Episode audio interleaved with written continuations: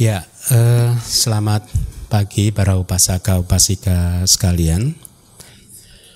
Ya, semoga Anda semua dalam keadaan yang baik, sehat tubuh jasmani dan juga sehat batin Anda. Kita kembali lagi di kelas Pariyati Sasana seperti yang eh, mungkin Anda sudah perhatikan ciri dari kelas Pariyati Sasana adalah cirinya adalah mempelajari kitab suci ya. Sebenarnya ada banyak alasan kenapa saya berjuang untuk terus mempopulerkan pembelajaran kitab suci. Salah satunya alasan yang baru saja saya dengar dan membuat saya kaget bahwa ternyata banyak umat Buddha yang nggak kenal kitab sucinya. Hmm? dengan ekspresinya Bante kalau di tetang, ketemu orang-orang dari tetangga sebelah itu dia bisa bercerita loh uh, ayat ini ayat ini misalkan dua lima lah tiga misalkan gitu. Kok kita nggak tahu ya Bante gitu. Jadi satu hal yang membuat saya agak terkejut mendengar perkataan seperti itu dan kemudian menyadarkan saya ya memang pembelajaran kitab suci Tripitaka kitab suci kita itu memang harus segera dipopulerkan ya satu itu. Kedua pertimbangan saya adalah bahwa sebenarnya saya mempertimbangkan demi manfaat yang sebesar-besarnya buat saya dan juga buat Anda. Saya tekankan lagi, manfaat yang sebesar-besarnya buat saya dan juga buat Anda semua di dalam kerangka berpikir kelahiran yang berulang-ulang. Ya. Di dalam setiap kelahiran kita harus meningkatkan karir. Ibaratnya orang bekerja, di dalam setiap kelahiran ini kita harus meningkatkan karir kita. Ya, Anda orang apa? Anda pasti lebih hafal, lebih paham apa yang saya sampaikan dunia pekerjaan gitu ya. Saya tidak begitu paham tapi intinya Anda kan pengen karirnya meningkat. Sama di dalam perjalanan kita di dalam lingkaran tumimbal lahir, kelahiran dan kematian di dalam samsara ini, kita juga mempunyai keinginan karirnya supaya bisa meningkat. Meningkat itu dalam artian apa? Meningkat itu dalam artian kita melaksanakan tugas pariyati. Pertama meningkat. Apa itu tugas pariyati? Tugas untuk memahami kitab suci. Tugas untuk memahami Tipitaka. Itu harus kita laksanakan bukan menjadi tugas biku saja tapi bu, tugas kewajiban buat siapa pun yang ingin keluar dari samsara. Ya, karena pariyati adalah fondasi untuk pati-pati. Ya, fondasi. Anda berlatih meditasi kalau tidak mempunyai teorinya juga prakteknya akan uh, sulit untuk mengalami kemajuan karena Anda tidak bisa mengerti pengalaman-pengalaman yang Anda temui di dalam meditasi uh, Anda. Saya bisa memberikan banyak contoh tentang bagaimana seorang yang sudah kawan-kawan saya bahkan yang meditasinya sudah bagus kemudian di tetap saja akhirnya setelah berhasil di dalam meditasinya ya uh, cukup berhasil tetap saja didorong untuk belajar pariyati tetap saja Tujuannya adalah begitu dia menguasai pariyati, menguasai teorinya, dia jadi paham apa yang dia alami selama meditasinya gitu. Jadi itu pertimbangannya, kita harus meningkatkan karir kita. Supaya apa? Karena pada saat pariyati Anda itu sudah matang, maka Anda bisa berlatih dengan baik dan dengan demikian bisa segera keluar dari samsara. Satu. Tujuan yang lain, nah, itu manfaat buat diri Anda. Manfaat buat diri saya juga tentu ada, yaitu apa? Saya memupuk parami saya. Ya, loh kok Bante masih memupuk parami, tidak ingin segera keluar dari samsara di kelahiran ini juga ya. Saya harus realistis. Kalau Anda ingin saya keluar dari samsara, tolong izinkan saya setiap hari Sabtu dan Minggu jangan berada di sini. Enggak mengajar? Boleh? Hah? Saya masuk hutan ya? Anda sih yang bikin saya harus menunda sih. Hah? Kadang kalau nggak ada Anda saya udah di hutan nih enak-enakan nih. Huh? Tidak ya. Ada alasan yang lain kenapa saya mengajar nanti akan saya sampaikan. Saya sedang memupuk parami buat diri saya sendiri juga. Dan saya ingin juga menarik Anda semua untuk naik kelas. Karir Anda meningkat. Paling tidak nanti kan saya membayangkan 500 orang yang ada di dalam ruangan itu dan mungkin kalau di sana penuh di ruangan sebelah 100 orang, 600 orang, satu kelahiran setelah ini jadi biku semua. Meningkat karir Anda. Lebante jadi apa? Jadi umat. Sorry, sorry saya juga harus cepat-cepat keluar ya. Nah, karir Anda meningkat, saya juga harusnya meningkat ya. Saya bisa memberikan banyak contoh ya. Saya akan prolog 5 menit lah untuk ini. Banyak contoh. Segala sesuatu yang muncul membutuhkan kondisi. Kalau Anda ingin memunculkan maga dan pala, Anda membutuhkan untuk harus menciptakan kondisi ya kok sesuatu yang akhirnya men-trigger kemunculan sesuatu itu harus diciptakan saya beri contoh pada saat Buddha mengalami penerangan sempurna ya pada saat itu eh, Buddha ingin berbagi kan kemudian beliau men, melihat ke seluruh penjuru siapa murid pertama yang siap untuk dibagikan dhamma ini dan pada saat itu beliau berpikir dua guru meditasi yang pertama ternyata setelah mengetahui bahwa beliau-beliau ini meninggal dunia uh, sudah terlahir di alam Brahma Arupa, akhirnya diganti siapa lagi? Pancawagia. Ya, oh saya harus mengajar ke lima pertapa ini dulu. Mereka pasti siap karena sudah matang meditasinya dan lain sebagainya. Tinggal didorong sedikit pasti akan mencapai maga pala dan ibana. Nah singkat cerita sebelum beliau menuju ke Taman Rusa untuk menemui lima pertapa, beliau melihat dengan dengan uh, mata kebijaksanaan beliau ada seorang pertapa yang siap untuk masak matang untuk menjadi seorang Arya yang bernama Pertapa Upaka, seorang pertapa pengembara. Ya, tetapi beliau juga tahu bahwa pertemuan yang pertama dengan Upaka nanti tidak akan membuat Upaka ini menjadi Arya, tetapi kondisi harus diciptakan. Ya akhirnya singkat cerita Buddha memilih jalan tertentu di mana di tengah jalan nanti beliau bisa bertemu dengan pertapa yang bernama Upaka tadi. Benar, di tengah jalan bertemu dengan pertapa Upaka terjadi percakapan singkat, habis itu Upaka tidak terinspirasi tetap aja akhirnya berselisih jalan. Bye bye. Nah, singkat cerita begitu.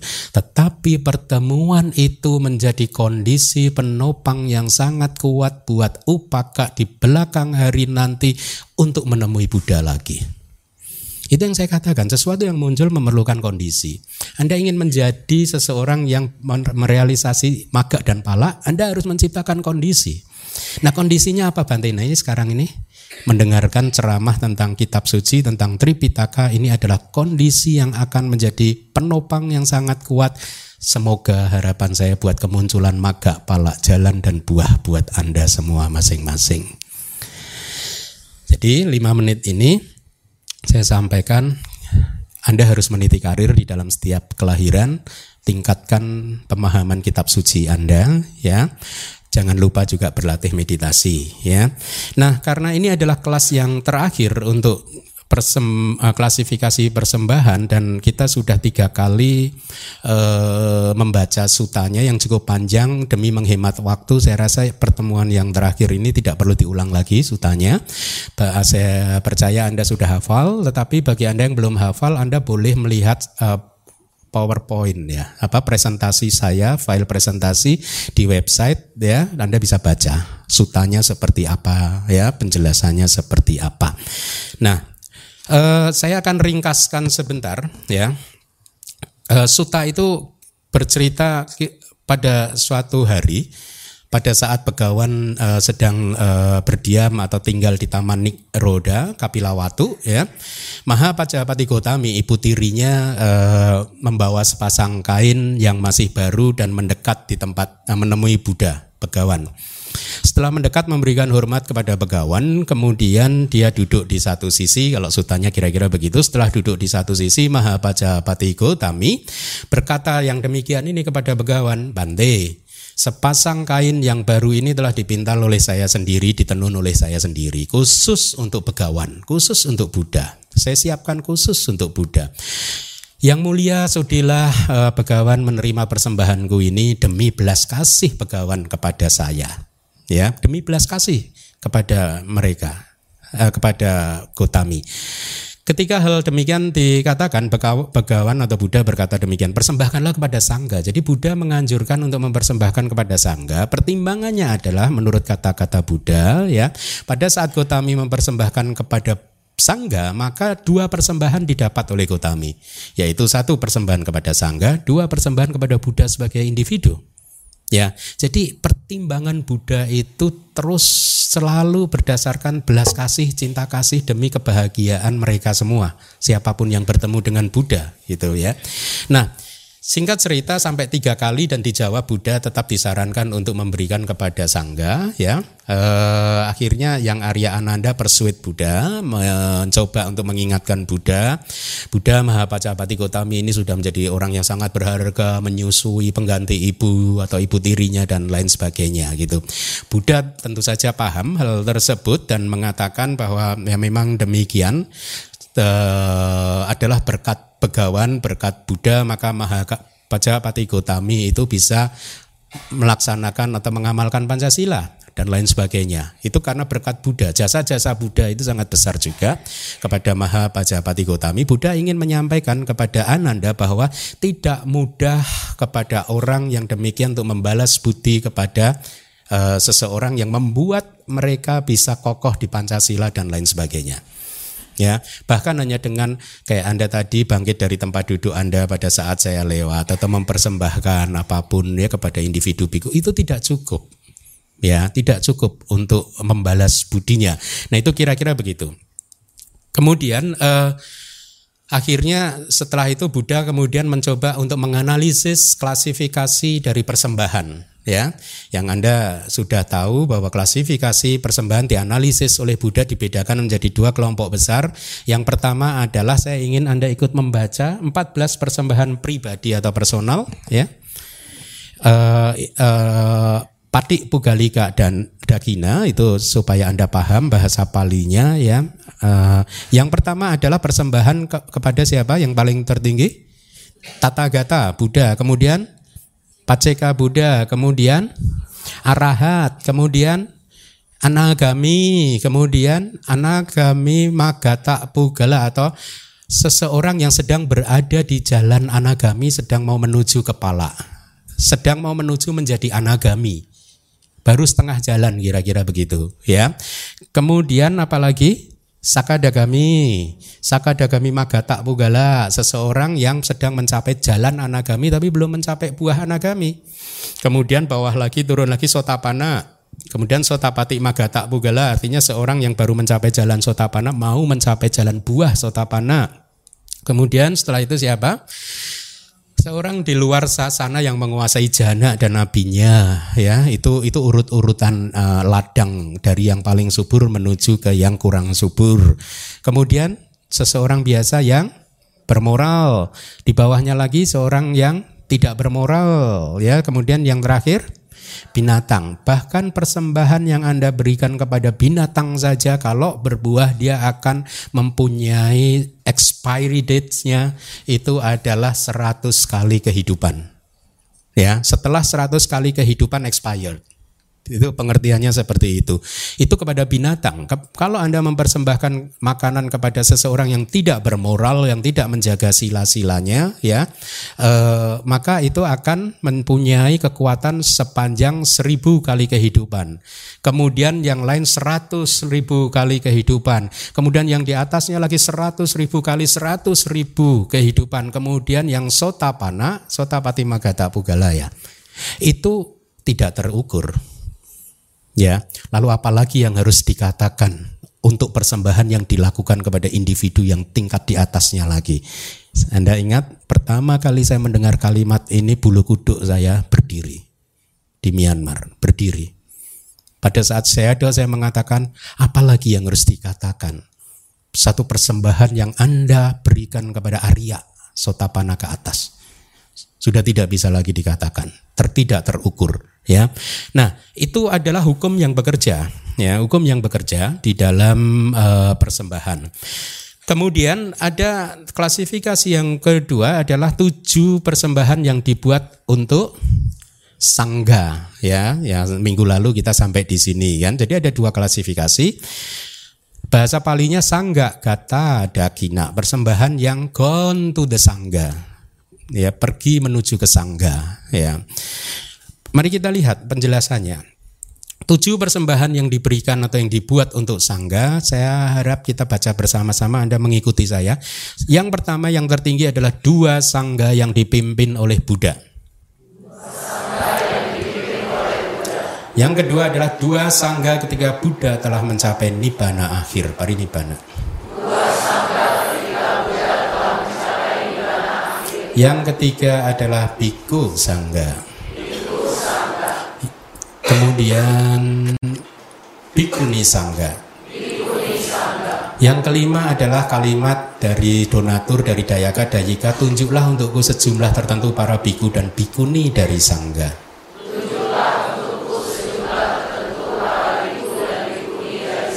Yang keenam, tunjuklah untukku sejumlah tertentu para biku sangga.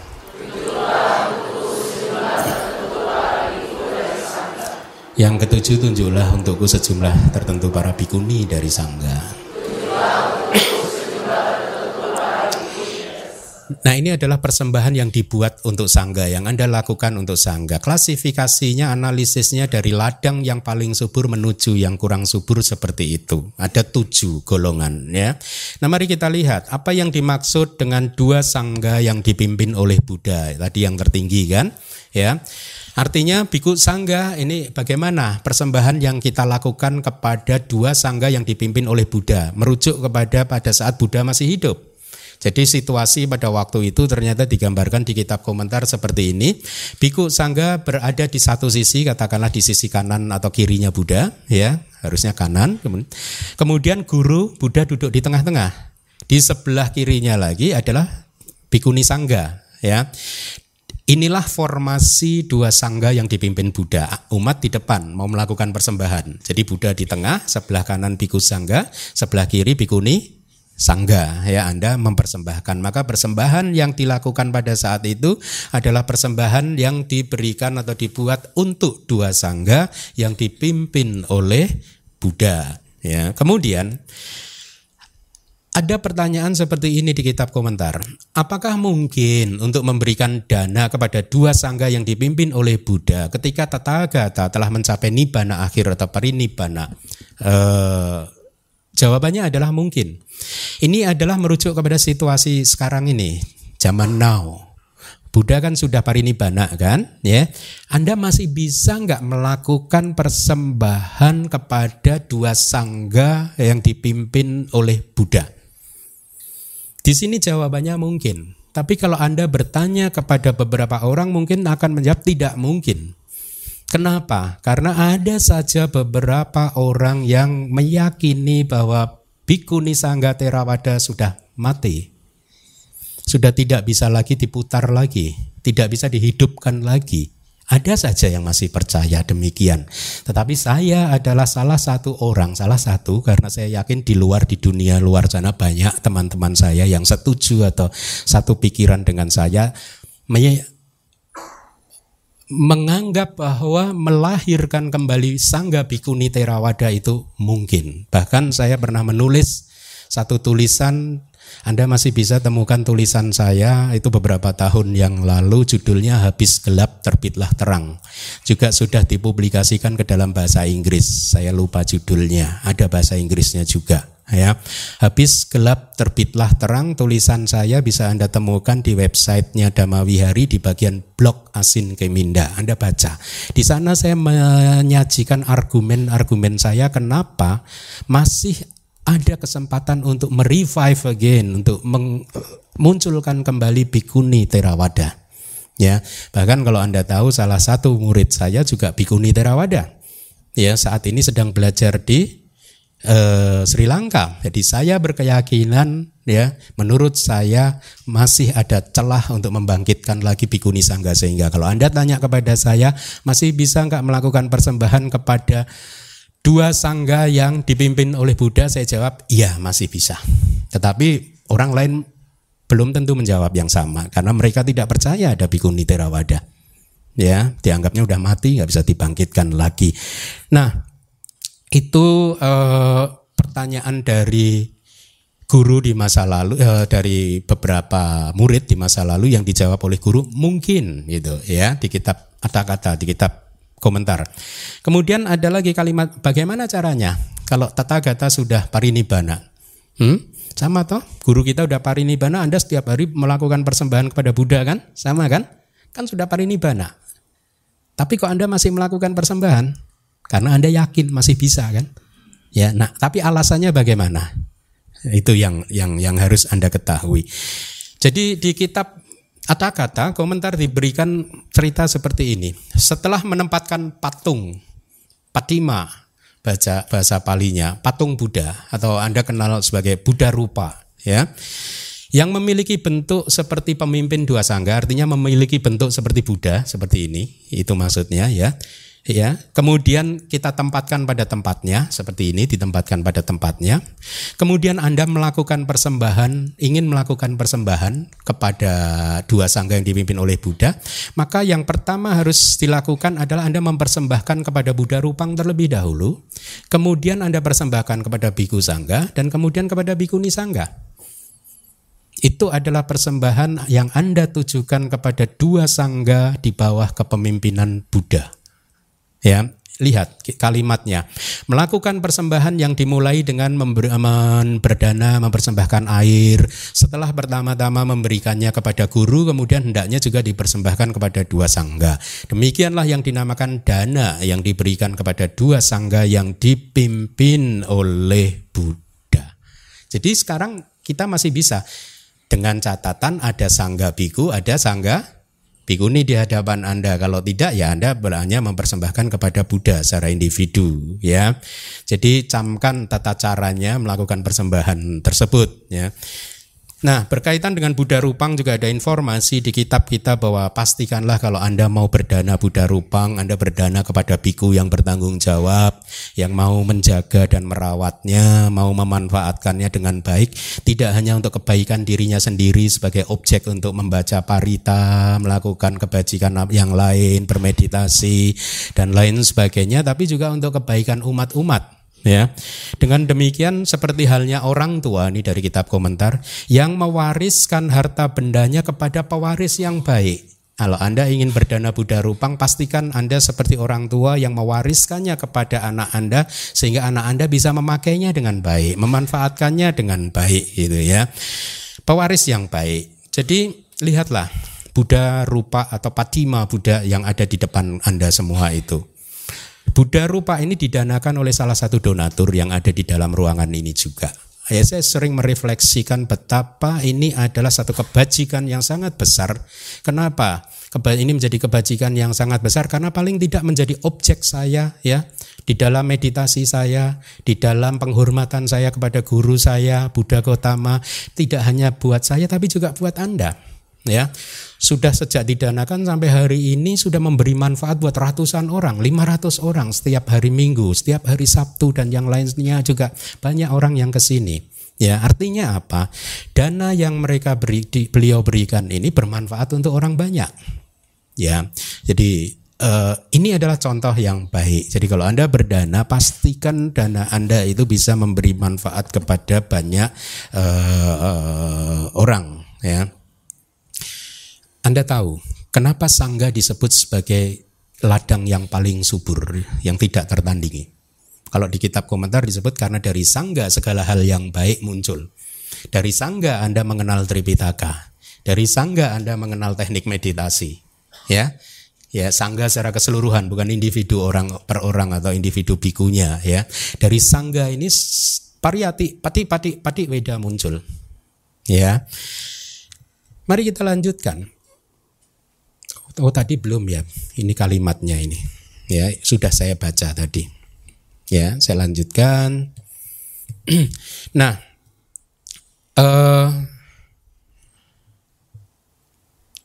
di kalimat sutanya kira-kira ada kalimat seperti ini kelanjutannya. Ya di masa depan, ini kata Buddha di masa depan.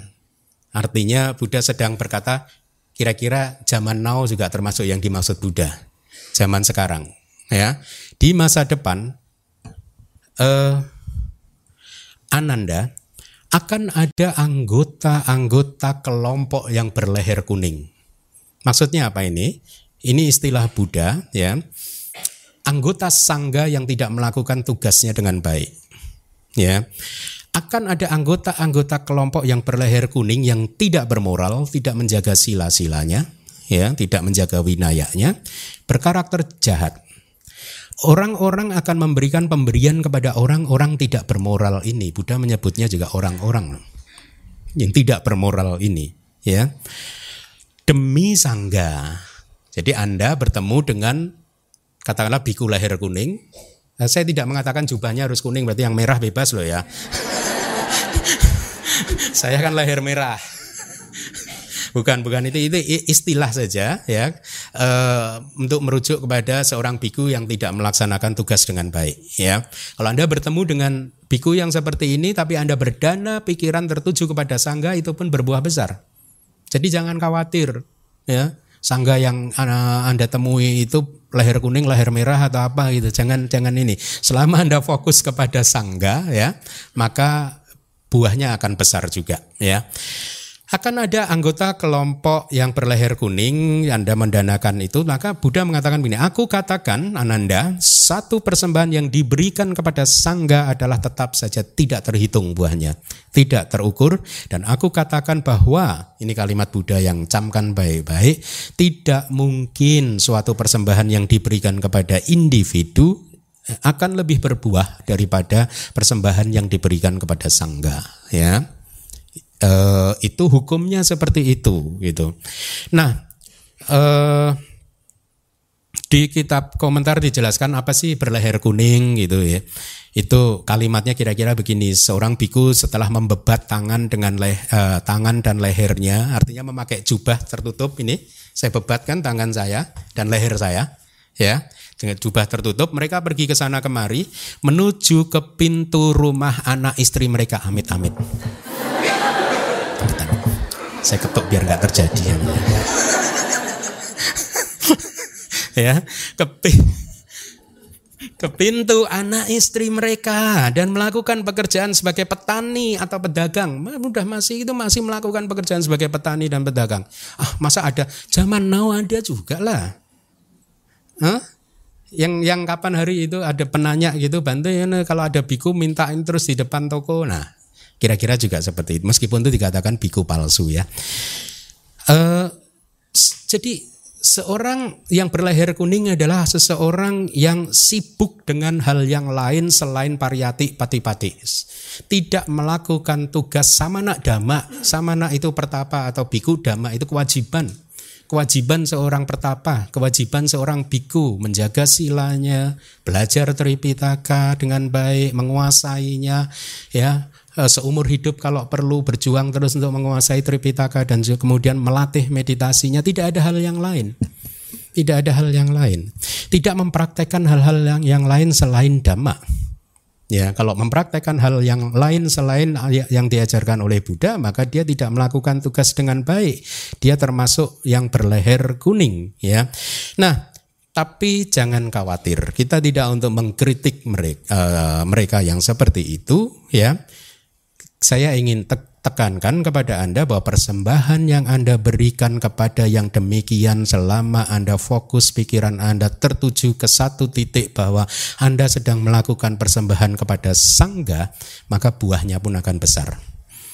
Ya, jadi memberikan dana yang ditujukan kepada sangga dalam kaitannya dengan mereka yang tidak bermoral tersebut ini dari Buddha. Tetap saja buahnya besar. Artinya dari kitab komentar dijelaskan dalam hal ini ya kalimat ini tidak dimaksudkan sebagai bahwa atau bahwa sangga itu tidak bermoral. Enggak. Yang tidak bermoral adalah anggota sangga. Yang namanya sangga tidak bisa dikatakan tidak bermoral ya karena banyak Arya di dalam sangga. Bagaimana Anda mengatakan sangga tidak bermoral? Hmm? Kalau Anda mengatakan sangga tidak bermoral, Anda mengatakan yang Arya Sariputa tidak bermoral ya. Ih, amit amit amit amit. Jangan terjadi ya. Nah, jadi sangga itu selalu bermoral, selalu suci, selalu murni, selalu bersih ya karena ada orang suci di dalamnya. Nah, di kitab komentar juga dijelaskan begini. Bahkan ketika para upasaka atau tidak ada disebutkan upasika, ya, tapi tentu saja termasuk karena uh, upasaka dianggap sebagai pimpinannya ya. Yang silanya tidak bagus. Jadi ada umat silanya tidak bagus ya. Dia memberikan dana dengan niat kami memberikannya kepada sangga. Di mana sangga yang menerimanya adalah seorang uh, anggota uh, individu sangga yang menerimanya itu adalah sang anggota sangga yang dusila Dusila itu kalau bahasa Jawa dursila. Dursila itu perilakunya buruk. Silanya buruk ya. Udah buruk lah itu. Dusila. Ada diadopsi di bahasa Jawa. Dursila ya. Jadi yang berdana tidak bermoral, yang menerima juga tidak bermoral. Ini ceritanya seperti itu ya. Dalam hal seperti ini pun buahnya tetap tidak terhingga. Kenapa? Karena persembahan tetap ditujukan kepada sangga gitu ya yang dibuat tapi dengan catatan dibuat dengan penuh rasa hormat dari sisi yang berdana dan dengan pertimbangan yang baik ya. Bukan dengan pertimbangan yang tidak baik. Misalkan ya Anda jam 7 malam datang kepada saya datang kemudian Bante saya mau dana nasi padang Bante. Ya itu udah pertimbangannya udah nggak baik. Anda pengen saya makan malam. Ya. Nah ketika bertemu dengan anggota kelompok yang berlahir kuning tentu sangatlah sulit untuk melakukan penghormatan kepada mereka. Hati-hati. Dan ini tertulis di kitab komentar subkomentar dan pasti juga terjadi di zaman sekarang di diri Anda juga bahwa sebenarnya tidak mudah sangatlah sulit untuk fokus kepada sangga ketika yang ada di depan Anda adalah biku berlahir kuning. Ya. Uh, di ada kata kitab komentar ada cerita begini, sangat menarik ini. Seseorang pergi ke wihara setelah mempersiapkan hadiah atau persembahan yang akan diberikan ya dengan berpikir saya akan memberikan persembahan ini kepada sangga ya. Kemudian dia bertemu dengan sangga berkata Bante, berikanlah satu tera sesuai petunjuk sangga. Jadi kalimat ini kalau Anda membayangkannya di zaman Buddha itu satu wihara bisa ribuan. Saya tidak tahu, tapi yang saya tahu persis di Myanmar satu wihara itu bisa kayak saya dulu saudara seperguruan saya 600. Gimana ngapalinnya? Sudah nggak bisa. Huh? 600 biku di wihara saya. Dan itu umum, ada yang lebih seribu, dua ribu, ya. Nah kan kalau umat mau berdana kepada sangga kan, bayangin kalau anggota sangganya isinya 600. Anda mau dana jubah, satu keluarga dana jubah ke 600 anggota sangga. Ya kalau bisa satu. Ya kalau nggak bisa, datanglah ke Sayado. Sayado kirimkan satu biku untuk mewakili sangga kan. Karena tidak mampu untuk berdana buat 600 semuanya ya maka minta dikirimkan satu atau dua atau tiga tergantung kemampuan dari umatnya yang berdana. Tradisi ini masih terjadi di Myanmar. Ya saya sering diajak. Nah habis itu kalau umatnya mintanya hanya lima atau tiga katakanlah gitu ya kirimkanlah tiga anggota sangga bante gitu mewakili sangganya gitu.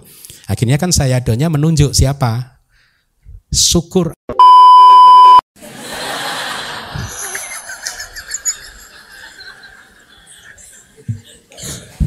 Saya bersyukur. Kenapa?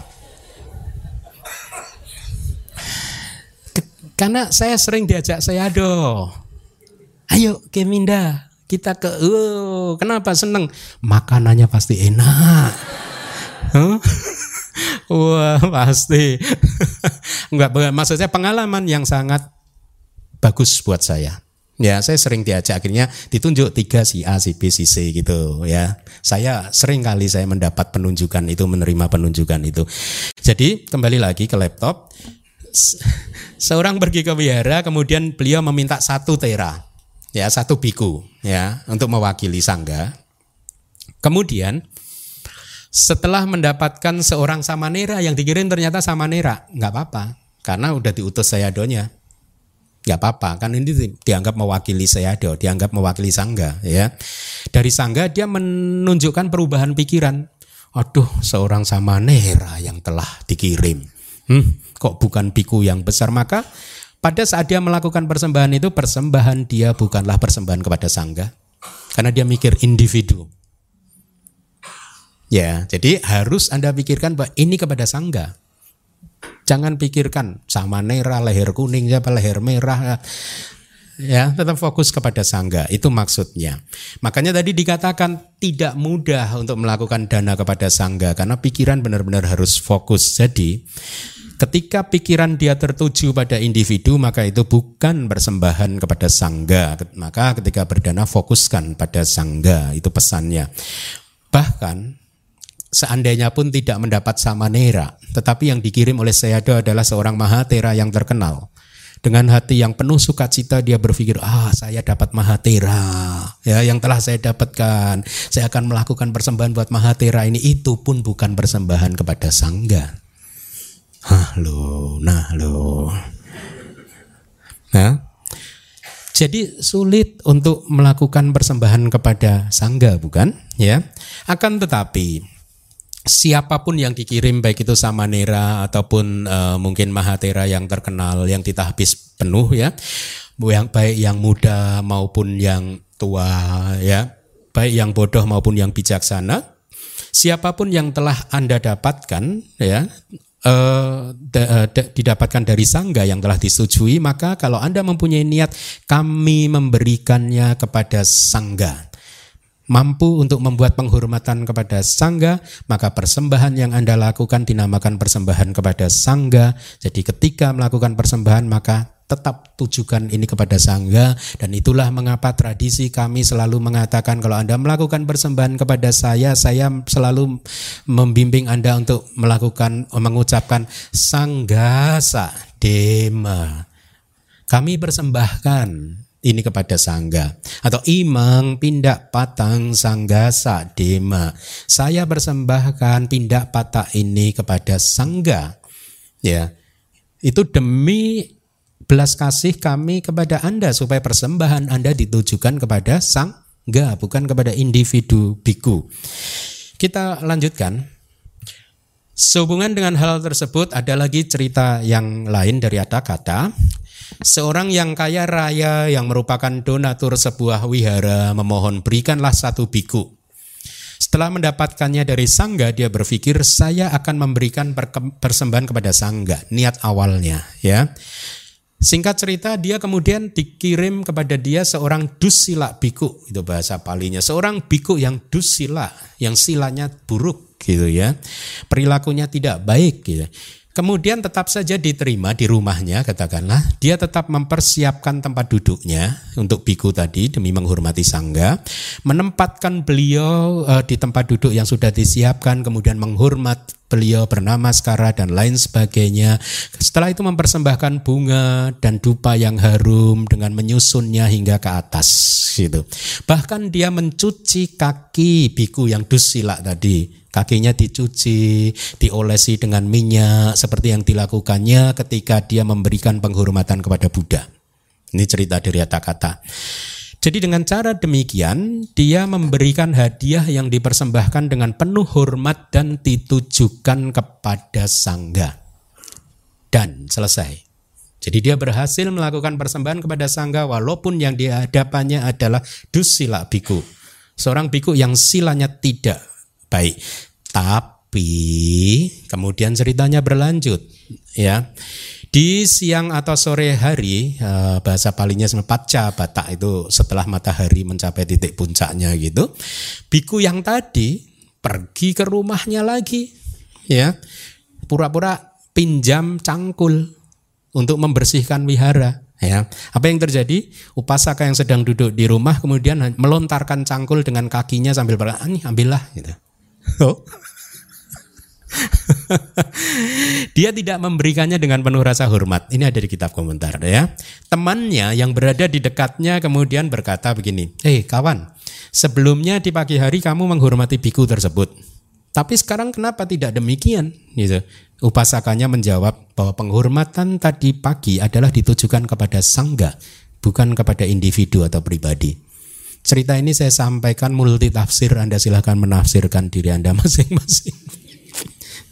Tapi apa pun jangan berlaku tidak hormat lah ya. Jangankan ke anggota sangga ya, ke orang lain juga kita harus hormat, ke binatang juga harus hormat kan ya.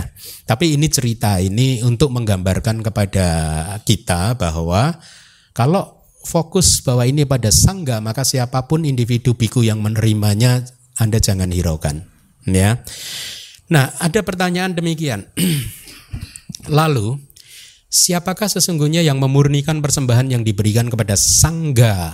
Kalau anggotanya semuanya leher kuning. Ya. Bahasa palinya kasawakanta sangga. Sangga leher kuning.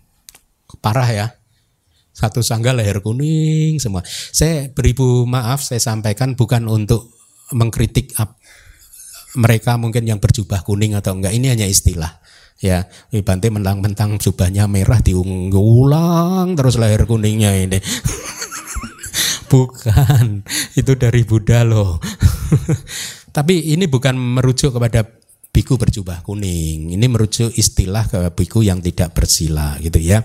Nah siapa yang memurnikan sangga leher kuning? Kalau satu sangga leher kuning semua, yang memurnikan siapa? Pertanyaannya kan demikian. Lawang satu sangga isinya leher kuning semua kok gitu.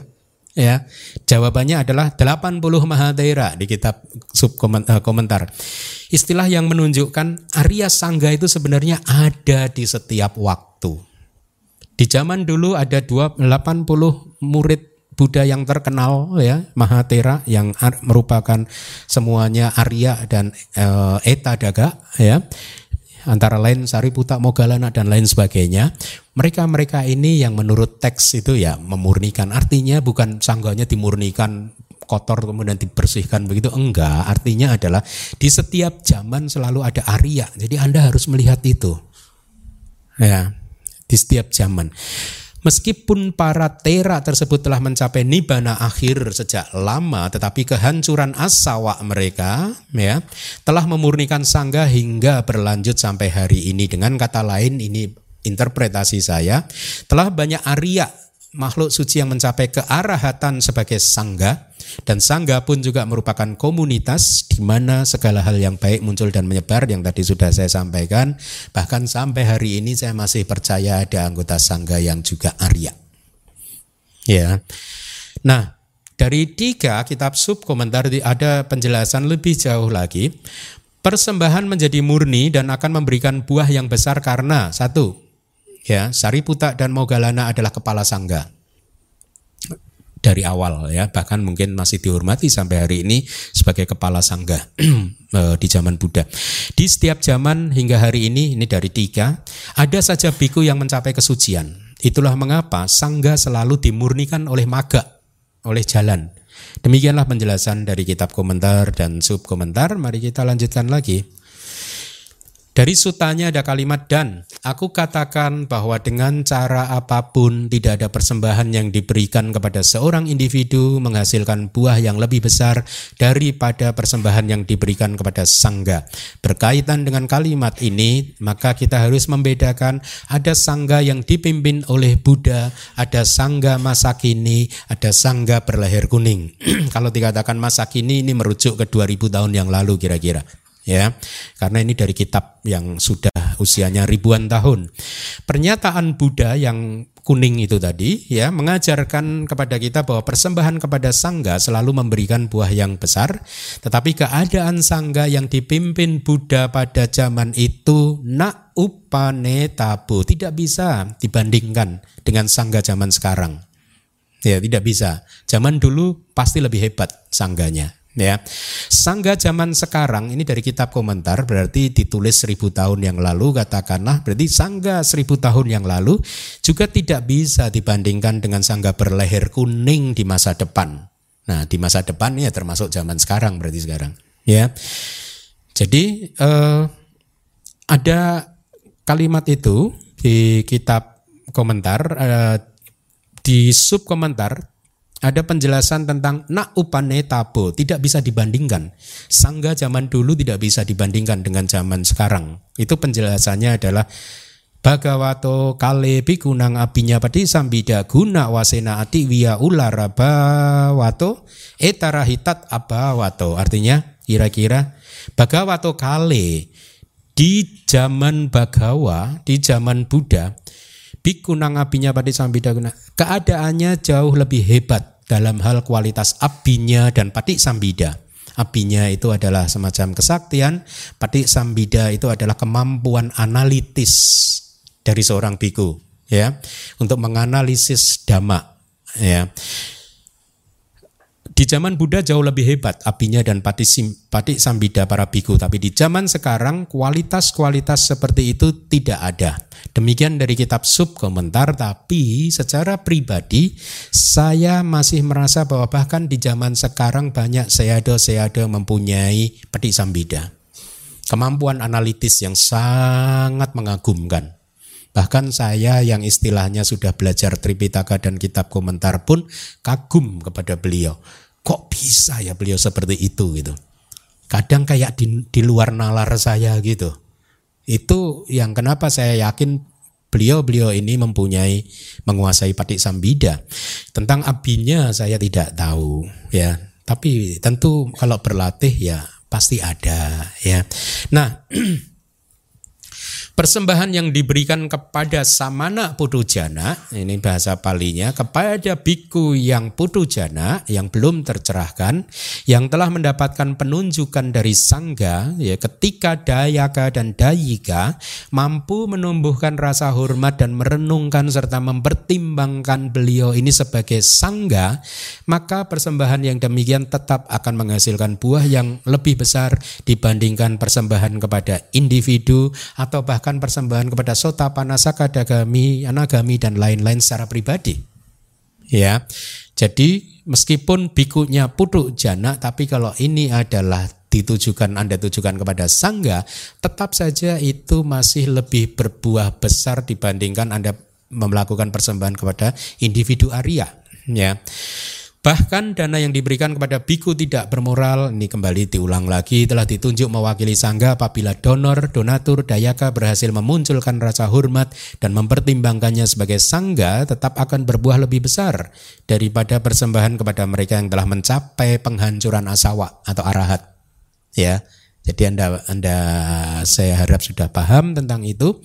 Di bagian yang hampir akhir itu ada saya kelompokkan tentang empat penyucian persembahan ya.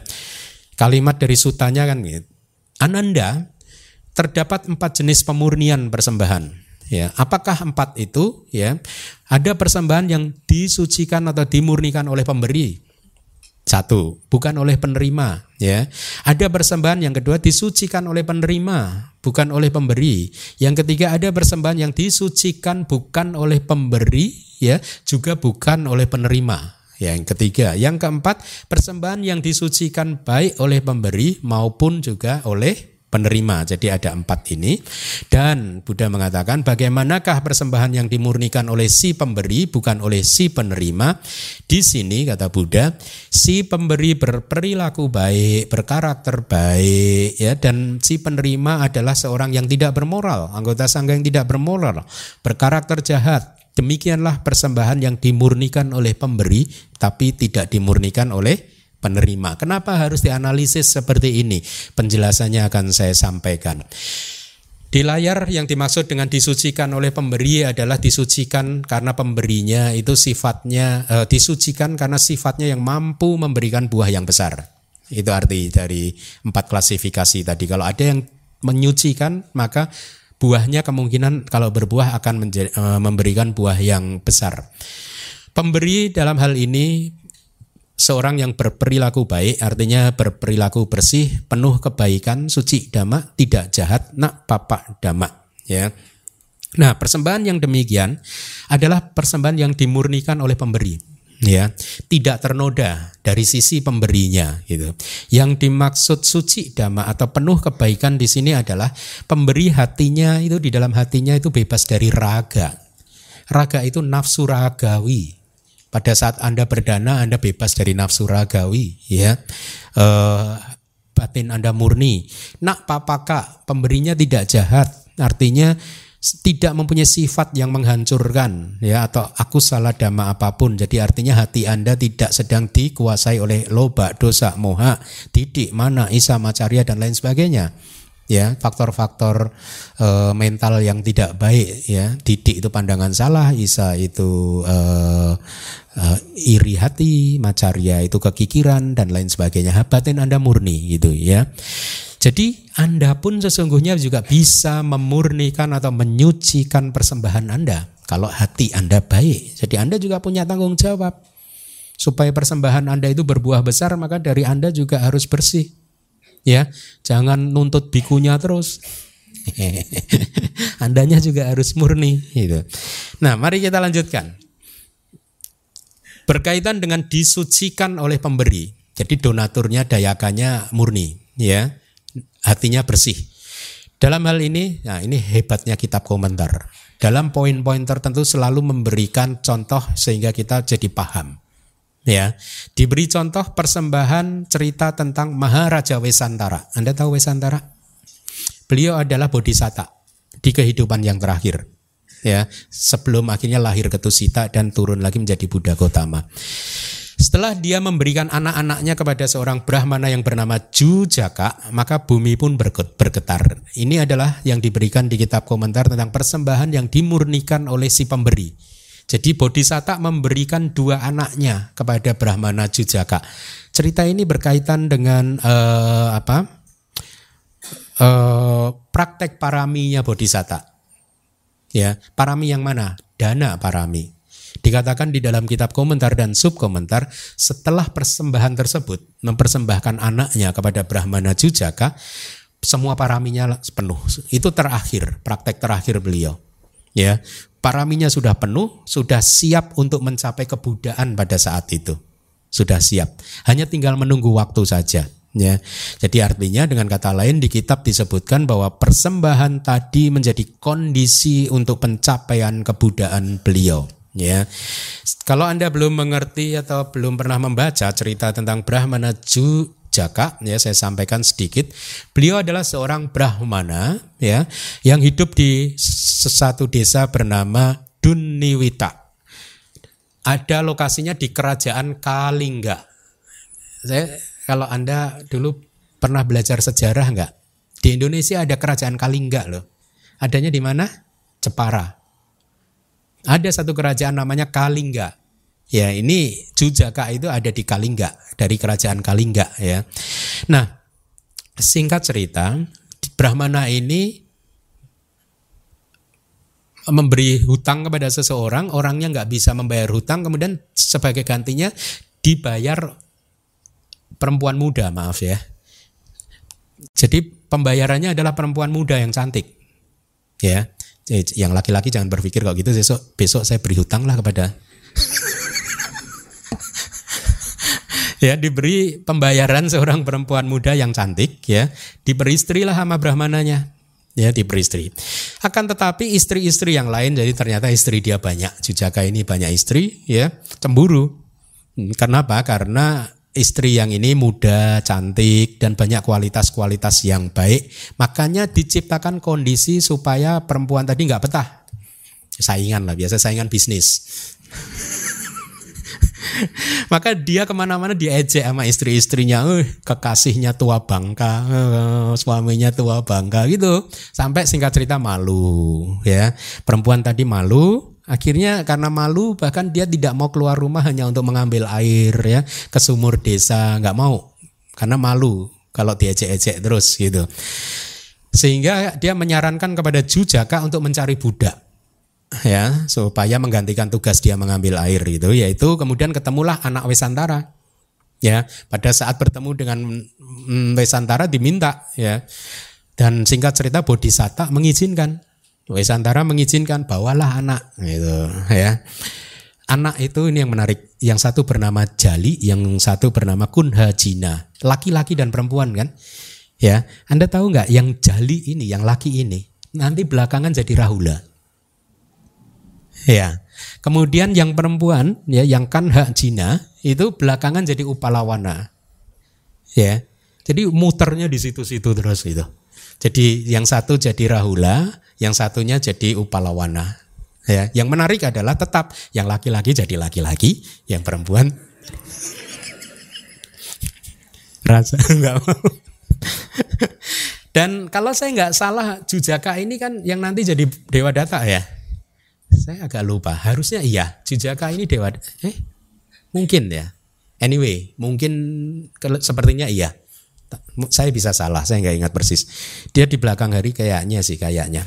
Nah, Pemberian tersebut adalah pemberian yang dimurnikan oleh si pemberi karena Wesantara tidak memiliki nafsu ragawi dan kilesa lain pada saat memberikannya. Ya, contohnya seperti itu.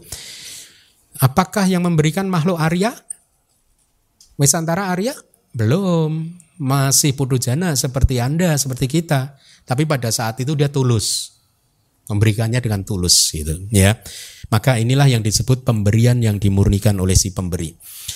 Lalu bagaimana dengan disucikan oleh si penerima? Dalam uh, kan ada kalimat dari sutanya. Bagaimanakah persembahan yang dimurnikan oleh penerima? Ini kata Buddha, bukan oleh si pemberi. Ya, di sini si pemberi adalah orang yang tidak bermoral. Dayakanya tidak bermoral. Dayikanya sih pasti bermoral lah ya. Seneng sekarang. Berkarakter jahat dan si penerimanya adalah seorang yang bermoral berkarakter baik itu. Demikianlah persembahan yang dimurnikan oleh penerima tapi bukan oleh pemberi, ini kata Buddha. Nah, maksudnya adalah dalam hal ini cerita tentang seorang nelayan yang hidup di dekat mulut sungai Kalyani nama sungainya hendaknya diceritakan. Setelah memberikan pindak patah sebanyak tiga kali kepada Diga Somatera seorang biku, ketika terbaring di ranjang kematian eh, uh, nelayan tadi berkata, pindah patah yang telah diberikan kepada yang mulia Diga Soma Terak mengangkatku. Ya, berhenti di sana kitab komentarnya. Makanya kalau nggak paham Pali akan sulit. Apa itu? Kok diangkat itu gimana itu maksudnya gitu. Nah saya buka di kitab sub komentarnya ada penjelasan udarati dia mengangkatnya ya. Itu artinya mengangkat dari alam celaka yang seharusnya didapatkannya. Seharusnya dia tadinya sudah mau dapat tanda-tanda mau lahir di alam celaka. Yaitu entah di neraka peta asura binatang gitu ya. Uh, dia sudah melihat tanda-tanda itu tapi karena karma baik yang ditujukan kepada yang mulia di Somatera berbuah akhirnya berubah tandanya. Akhirnya dia lahir di alam yang baik. Nah di tiga tadi dikatakan yang disebut udarati adalah bahulang kata bapak kama wasenala dakwini patato udarati. Jadi kira-kira terjemahannya begini. Yang dimaksud mengangkat artinya ini mengangkat dari kejatuhan yang akan didapatkannya yang disebabkan oleh banyaknya kama buruk yang telah dilakukannya sebelumnya. Kira-kira begitu, ya. Jadi tadinya dia mau lahir di alam bawah tapi terangkat gara-gara satu persembahan kepada yang mulia Diga Soma Tera. Di saat-saat akhir kehidupannya, tanda kelahiran yang baik di alam dewa muncul sebagai objek dari proses kognitif yang dekat dengan kematian tuh kayak gitu tuh. Abidama sekali. Setelah kematiannya singkat cerita dia lahir di alam dewa. Ya. Dalam hal ini pemberi dana adalah orang yang tidak bermoral. Taunya bagaimana? Nelayan mah. Hah? Nelayan emangnya kalau lagi menjala ikan, semoga ikannya berbahagia. Huh? Enggak kan? Ya, dia kan nelayan di Sungai Kalyani kan? Ya, dia nelayan. Ya. Jadi dia tidak melaksanakan sila dengan baik ya. E, tapi penerimanya adalah seorang biku kebetulan yang bermoral dan ber, berperilaku baik. Inilah yang disebut persembahan yang disucikan oleh penerima. Kita lanjutkan lagi. Bagaimana persembahan yang tidak dimurnikan baik oleh pemberi maupun juga tidak dimurnikan oleh penerimanya. Cerita tentang seorang pemburu yang lahir di alam peta harus disampaikan di dalam kitab komentar begitu. Istrinya, jadi ada pemburu meninggal dunia udah lahir sebagai hantu. Ya. Istrinya berdana kepada seorang biku yang pindah patah lewat di depan rumahnya. Kebetulan dia tidak bermoral. Ya. Persembahan pertama dilakukan kemudian lakukan pelimpahan jasa. Menurut ceritanya detailnya sebenarnya almarhum berada di sekitar itu. Dia udah hidungnya udah kembang kempis sebentar lagi dapat pelimpahan jasa ini sebentar lagi dapat pelimpahan petanya gitu ya. Enggak kembang kempis nih dari saya lah.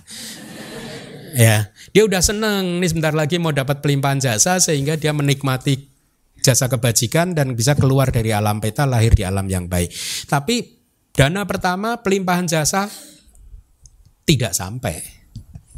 Oh, Sedih kan petanya kan? Tunggu lagi, besok ditunggu lagi. Dua kali dana, pelimpahan jasa, tidak sampai lagi.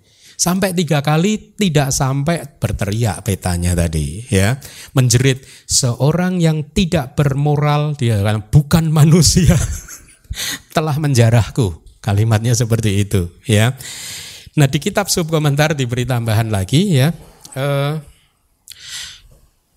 peta nanti artinya peta persembahan kepada peta itu artinya persembahan yang harus diberikan atas nama almarhum. Jadi istrinya tadi melakukan persembahan kepada biku yang tidak bermoral, kemudian dia melakukan pelimpahan jasa dengan menyebut semoga almarhum suami dia namanya so and so ya e, bisa mendapatkan bagian dari kebajikan dan segera lahir di alam yang baik. Disebutkan namanya. Ini cerita ini menyangkut hal seperti itu ya. Dia mengatakan idang danang aksuka sak peta sak hotu. Dana ini, dana ini untuk peta, untuk almarhum suaminya namanya disebutkan bla bla bla gitu. Tapi tetap saja tidak sampai. Kenapa? Karena pemberian itu tidak dimurnikan oleh dua-duanya. Si pemberi tidak bermoral, si penerima juga tidak bermoral ya. Iya kan? Itu kan bukan oleh pemberi dan juga itu kan? Iya, istrinya juga bukan. Si pemberi juga tidak bermoral. Tetapi ceritanya berubah begini. Ketika istrinya berdana kepada biku yang bermoral, kemudian peta tersebut menerima pelimpahan jasa dan bisa keluar dari alam peta. Kenapa? Karena dimurnikan oleh penerima. Jadi, di kitab disampaikan ini saya harus sampaikan karena cukup juga menarik persembahan yang dimurnikan dari katakanlah ini agak mundur sedikit persembahan yang dimurnikan dari sisi pemberi itu diberi perumpamaan seperti ini seperti seorang petani yang terampil ya petani yang terampil dia mendapatkan ladang yang aksara ladang yang aksara bahasa Pali itu ladang yang tidak subur ya tidak bagus gitu Secara hinang duketang, ladangnya buruk, gitu, keras, tandus, dan hina atau inferior maksudnya begitu. Jadi petani ini dapat ladang nggak baik, tapi dia terampil. Sama lah ini ini rumus kehidupan. Anda berada dalam situasi yang tidak baik, tapi kalau Anda terampil, tetap saja Anda damai, bahagia, berbuah besar, mendapatkan buah yang besar karena Anda terampil. Nah cerita ini sangat bagus. Jadi petani tadi dengan mendapat ladang yang tandus seperti itu keras itu apa yang dia lakukan? Dia memindahkan debu-debu kerikil dari ladang tersebut ya. Kemudian ketika telah tiba masa bercocok tanam maka dia menanam benih dengan hati-hati menjaganya siang malam tanpa lengah sedikit pun. Dengan cara demikian dia bisa saja mendapatkan hasil panen yang jauh lebih baik daripada petani sebelah yang mempunyai ladang yang sangat baik atau lebih baik dari milik dia. Kenapa? Karena dia mengolahnya dengan hati-hati. Ya, ladangnya gersang tapi dia olah dengan terampil, buahnya lebih besar dibandingkan mereka yang ladangnya subur tapi tidak diolah dengan terampil. Ini rumus kehidupan. Ya. Nah, Demikianlah gambaran untuk seorang yang bermoral yang memberikan dana kepada orang yang tidak bermoral, dia tetap bisa mendapatkan buah yang besar karena dia terampil. Ya, terampil. Nah, dari kitab sub komentar dijelaskan si orang tadi panen besar, kenapa? Si petani yang terampil tadi panen besar atau persembahan yang dimurnikan oleh pemberi, buahnya besar, kenapa? Karena ada payoga sampati, kesuksesan cara Ya, jadi kesuksesan cara hmm, saya tidak punya waktu untuk menjelaskan, tetapi saya sarankan Anda baca buku karma saya. Maksudnya buku karma yang saya tulis, bukan karmanya Bante Kemindo. Ada, ada di depan. Buku kama tulisan saya Pusaran Kelahiran dan Kematian Tanpa Awal. Anda baca, ada di sana saya jelaskan empat keberhasilan, empat kesuksesan, dan empat kegagalan. Empat kesuksesan kalau Anda lakukan akan menyuburkan benih-benih karma baik Anda. Empat kegagalan kalau Anda lakukan akan menyuburkan benih karma buruk. Anda wajib mengetahuinya. Supaya Anda tahu apa yang harus Anda rawat. Hmm? Kalau perilaku Anda menunjukkan empat kegagalan, tapi Anda mengharapkan buah karma baik berbuah terus, ya mustahil lah.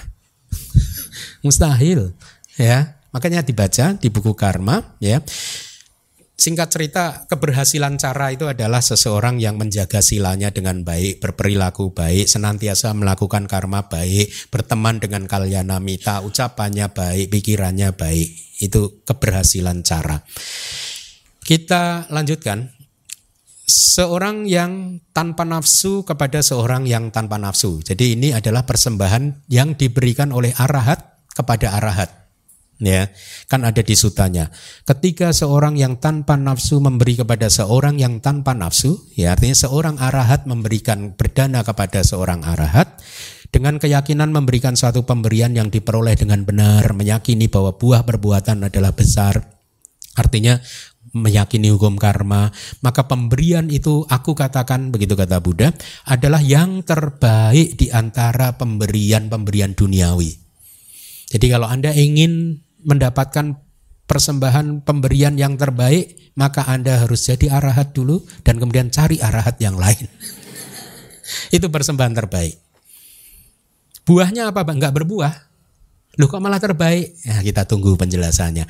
Penjelasan yang enggak berbuah kok terbaik? Bante Keminda ini ayah-ayah aja. Kita tunggu tanggal mainnya. Nanti saya jelaskan. Nah, yang dinamakan seorang yang tanpa nafsu sesungguhnya ini adalah istilah untuk anagami, bukan untuk arahat ya. Namun arahat itu dikatakan seorang yang tanpa nafsu sama sekali. Sudah sama sekali bersih.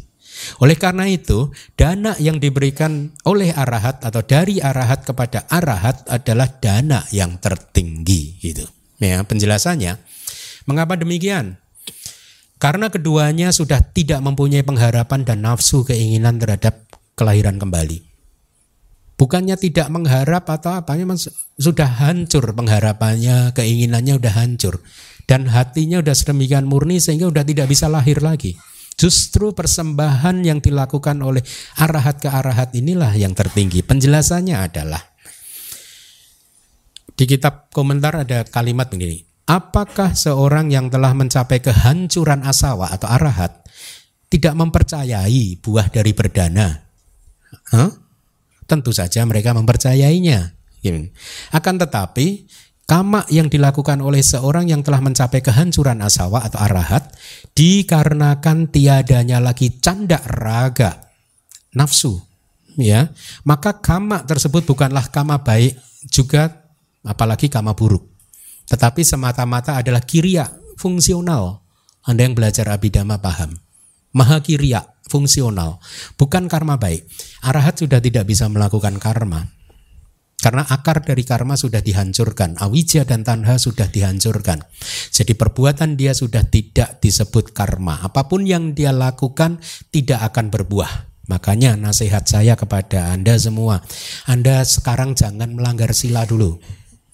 Nanti Anda langgar sila kalau udah jadi arahat. Pesta-pesta langgar sila, lalu udah jadi arahat. Sekarang jangan. Karena apa pun yang Anda lakukan nanti kalau udah jadi arahat nggak berbuah. Dah, nggak saya jelaskan lebih lanjut biar jadi. nah, eh, kenapa dari kitab sub komentarnya itu diberi penjelasan tambahan dana yang diberikan oleh arahat kepada arahat murni ya. Karena tidak tercemar oleh kilesa apa pun. Benar-benar tidak tercemar karena kilesanya sudah hancur semua. Beda dengan tadi putu jana yang hatinya murni kan sesaat. Kilesanya masih tidur semua ya. Kalau ini enggak kilesanya benar-benar sudah hancur. Nah buat arahat yang menerimanya pun persembahan ini juga merupakan persembahan yang tertinggi Hal itu karena sudah tidak adanya hasrat untuk lahir lagi, tidak adanya bawa layak, bawa alayak, tidak adanya nafsu untuk terlahir kembali ya. Batinnya telah murni dari semua bentuk kotoran batin, itu penjelasannya. Kemudian ada lagi pertanyaan, manakah buah yang lebih besar? Persembahan yang diberikan oleh sama Sang Buddha kepada Sariputta atau persembahan yang diberikan oleh Sari Tera kepada sama Sang Buddha. Dikatakan bahwa persembahan yang diberikan oleh sama Sang Buddha kepada Sariputta Tera berbuah lebih besar ya. Oleh karena selain sama Sang Buddha tidak ada lagi orang yang bisa memahami hasil dari dana artinya cara bekerjanya hukum-hukum persembahan ini. Kita mengetahui ini karena ada Buddha. Kalau Buddha nggak mengajarkan kepada kita tidak ada yang tahu bahwa ternyata persembahan itu hukumnya seperti itu ya. Nah, jadi sama Sang Buddha hanya ada satu di setiap zaman. Jadi tidak diragukan itulah mengapa buahnya akan lebih besar apabila yang menerima adalah sawaka dari kitab komentar. Yang menerima adalah murid, yang mempersembahkan adalah guru, ya. Dalam hal ini muridnya adalah Sariputta gitu. Jadi tidak ada tadi dikatakan hanya sama Sang Buddha yang bisa mengetahui cara bekerjanya karma dan juga e, persembahan. Dikatakan di kitab komentar bahwa artinya kama wipaka wibaga jana nyana. Tidak ada orang lain yang memiliki kama wipaka wibaga pengetahuan tentang pemahaman analitis kama wipaka seperti Buddha. Tidak ada orang lain yang bisa memahami kama dan buahnya selain Buddha ya. Uh, saya sampaikan lagi biar biar kira-kira kayak tetangga sebelah lah gitu ya. Dengarkan baik-baik. Seperti yang dikatakan oleh Buddha di Itik Wutaka 26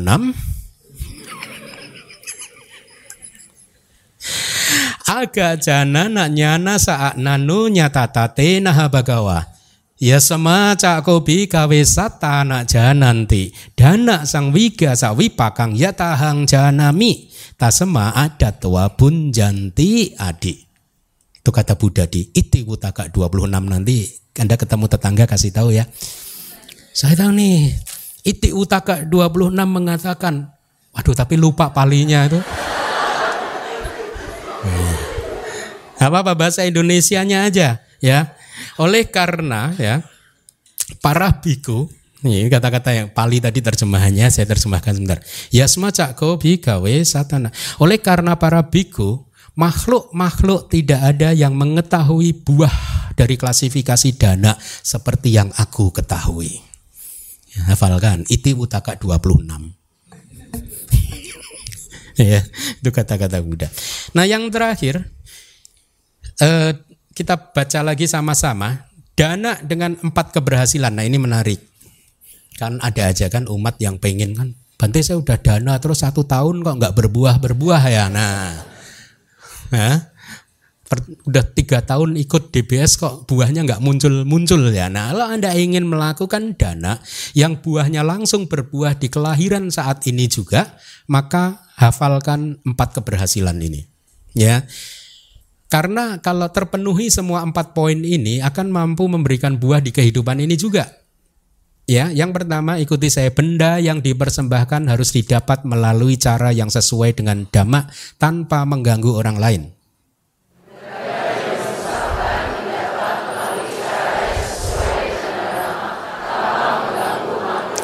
Anda harus berdana dari hasil yang benar tidak mengganggu makhluk lain, tidak mengganggu melanggar sila. Melanggar sila kan mengganggu makhluk lain kan? Ya.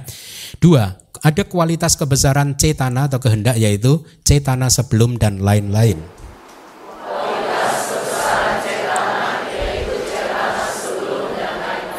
Penjelasan dari kitab komentar nggak usah saya Anda ikuti saya panjang. Cetana sebelum dan lain-lain itu artinya sanit Hmm, saya baca palinya dulu. Sanita paka jawana widito puba apara widi cetana wasena. Kehendak yang muncul di proses kognitif sebelum dan yang berikutnya dari proses kognitif dengan impuls yang menuntaskan. Abidama ya. Jadi yang dimaksud cetana atau kehendak sebelum dan lain-lain atau sebelum dan sesudahnya itu adalah kehendak yang muncul di proses kognitif sebelum dan sesudah dari proses kognitif yang menuntaskan. Ya. Kalau yang paham abidama mengerti ini, ya. Banyak yang belum paham, makanya nanti jam satu ikut kelas. Ya, semua biar paham. saya katakan, saya katakan, jangan menolak abidama karena manfaatnya besar sekali. Saya sebagai guru Anda harus mengatakan yang benar. Kalau Anda tidak me, ini abidama nanti kadang ketemu yang kayak begini ini gitu. Jadi agak-agak agak sulit untuk memahaminya gitu. Abidama itu sangat menarik kok, ya. Nah, jadi artinya begini, saya lanjutkan lagi. Cetana sebelum dan sesudah tadi, sebelum proses kognitif yang menuntaskan tadi, ya, itulah yang nanti akan menjadi kama yang buahnya dialami di kehidupan saat ini juga. Ya, ada penjelasan lagi taseming yewa atak bawewi pakang detik na itara memberikan buah di dalam individu itu juga bukan yang lainnya artinya apa kalau anda melakukan persembahan di kehidupan saat ini buahnya juga anda nikmati juga di individu itu juga bukan di individu yang lain itu artinya apa kalau anda sudah lahir lagi kan individunya berbeda jadi penjelasan kitab komentar itu sedemikian detailnya loh. Imta seming yewa ada bawi wipakang detik na itara. Memberikannya ya di situ juga. Enggak menunggu Anda harus lahir kembali, langsung berbuah gitu. Ya. Nah, tadi ada kalimat nomor dua kualitas cetana yang besar, kebesaran cetana ya. Artinya kehendak sebelum kama itu terakumulasi itu harus disertai dengan pengetahuan ya nyana sampayuta ya dengan kata lain begini sebelum anda berdana maka anda harus memunculkan sukacita somana sawedana ya juga pemahaman bahwa yang akan anda lakukan adalah karma baik yang mempunyai kemampuan untuk menghasilkan buah yang besar itu pengetahuan itu kebijaksanaan. Jadi Anda berdana dengan kebijaksanaan. Saya bersyukur mendapatkan kesempatan yang berharga ini karena saya sebentar lagi akan melakukan karma baik yang kalau berbuah akan menghasilkan buah yang besar. Jadi dana Anda ada kebijaksanaannya.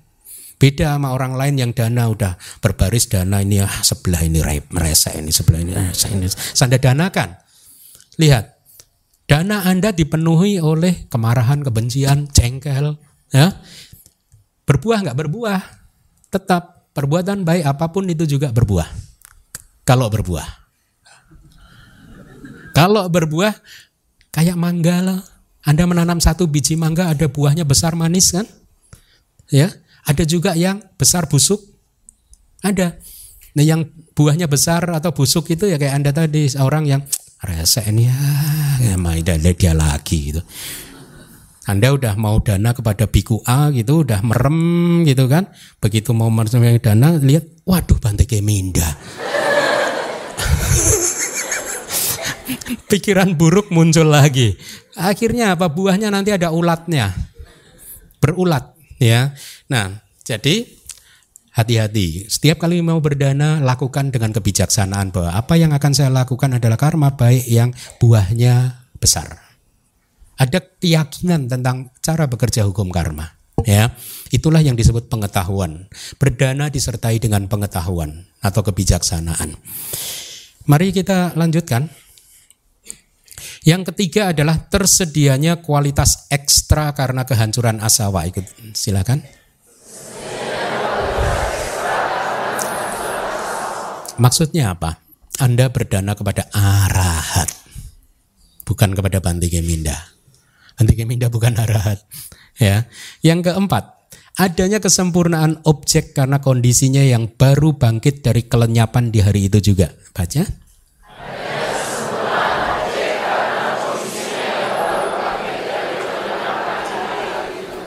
Jadi begitu Anda ketemu arahat dan arahatnya itu baru saja keluar dari niroda sama pati. Ya, itu maksudnya baru saja keluar dari meditasi niroda sama pati.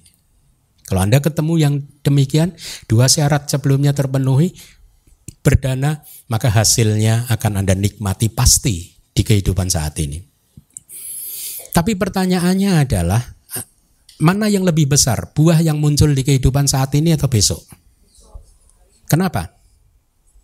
Kalau Anda berpengen dana Anda berbuah sekarang, bentuknya paling uang 1M, 2M, 10M, rumah yang bagus, bisnis lancar, itu buah karma baik muncul sekarang.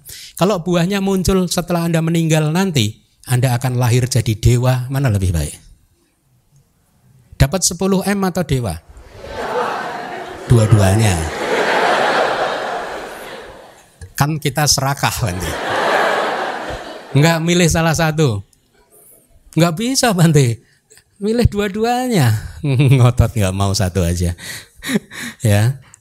Sebenarnya kalau menurut Abhidhamma tetap buah itu lebih besar kalau berbuah nanti setelah kelahiran.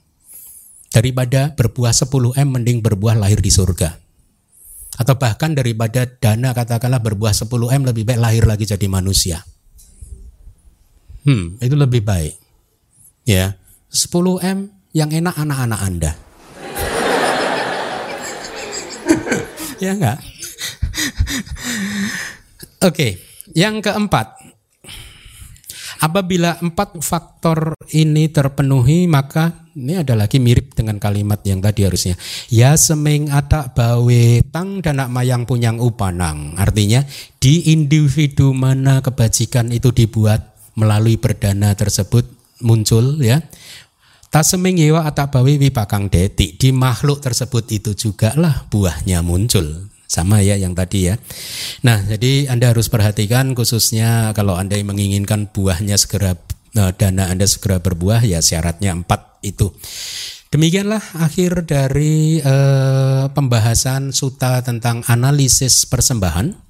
Semoga semua pengetahuan yang sudah diberikan membuat Anda semakin bijaksana ya berpengetahuan, pariyati Anda berkembang, pati-pati Anda juga berkembang dan semoga Anda semua segera bisa keluar dari samsara secepatnya. Terima kasih. Tuh Bante. Uh, saya mau nanya agak banyak karena ditumpuk dari kemarin-kemarin belum sempat nanya.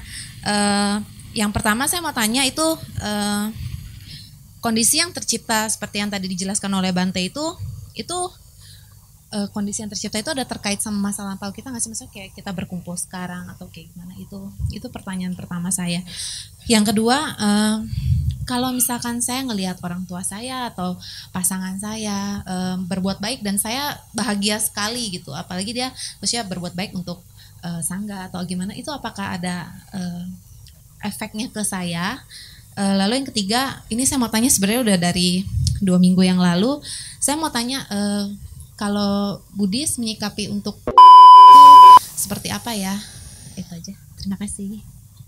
Baik, terima kasih atas pertanyaannya. Jawaban ini juga sebenarnya udah saya mau sampaikan dua minggu yang lalu. Tapi kok belum ditanya-tanya kan jadinya. sekarang pertanyaannya saya lupa lagi.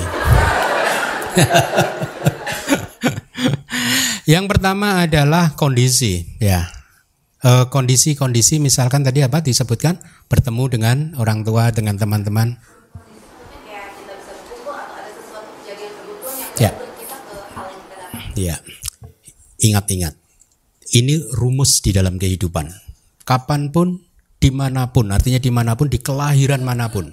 Selama di dalam samsara, rumusnya adalah ini Ima seming sati idang hoti Ima supada idang upajati. Ima seming a sati idang na hoti.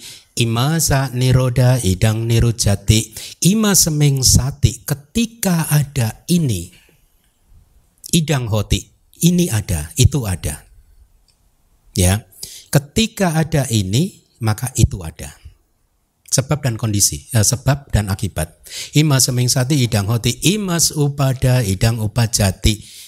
Dengan adanya kemunculan dari ini, idang upajati itu juga muncul. Ima seming sati idang na hoti. Ketika ini tidak ada maka itu juga tidak ada. Imasa niroda idang nirujati. Dengan kelenyapan ini maka itu lenyap itu kehidupan. Dengan kata lain, tidak ada apa pun di samsara ini yang muncul tanpa sebab.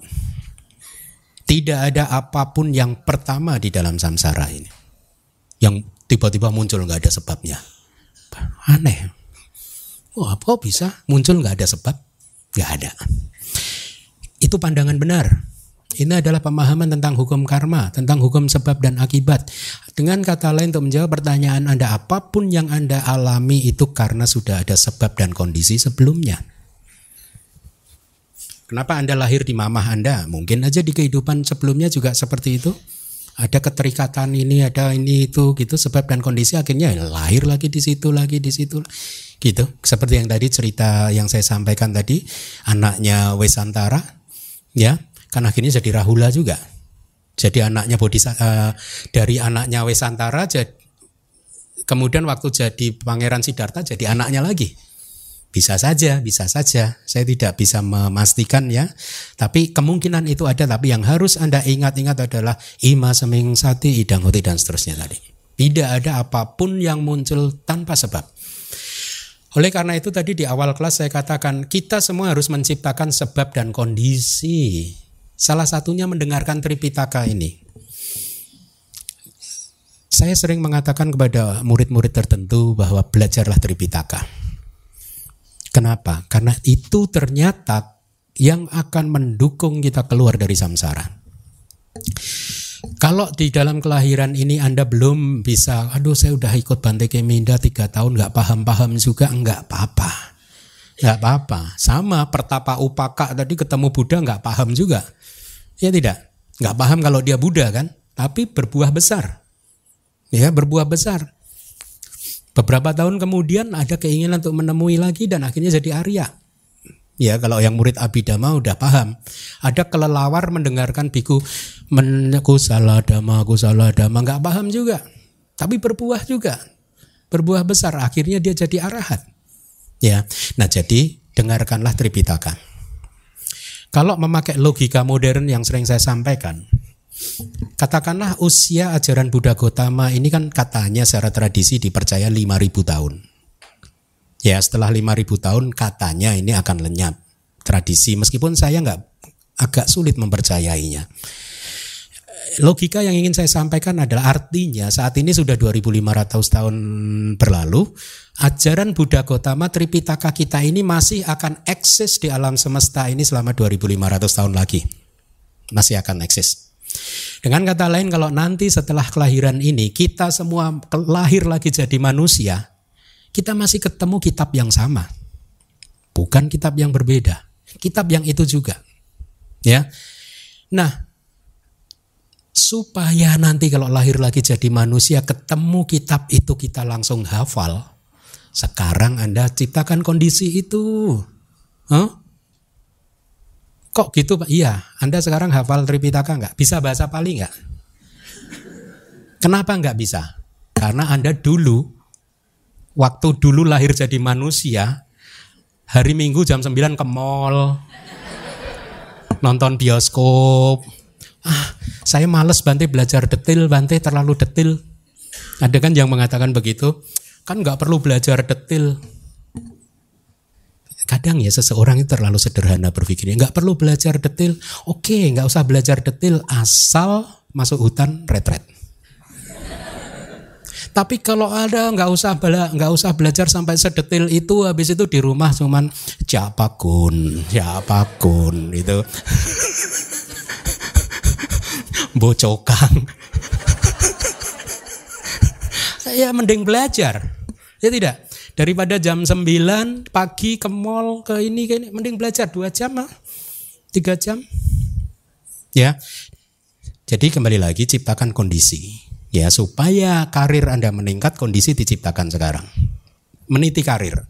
Sekarang oke, okay, sekarang saya belum bisa menjadi pembabar dhamma seperti Bante Keminda, tapi awas berarti ya.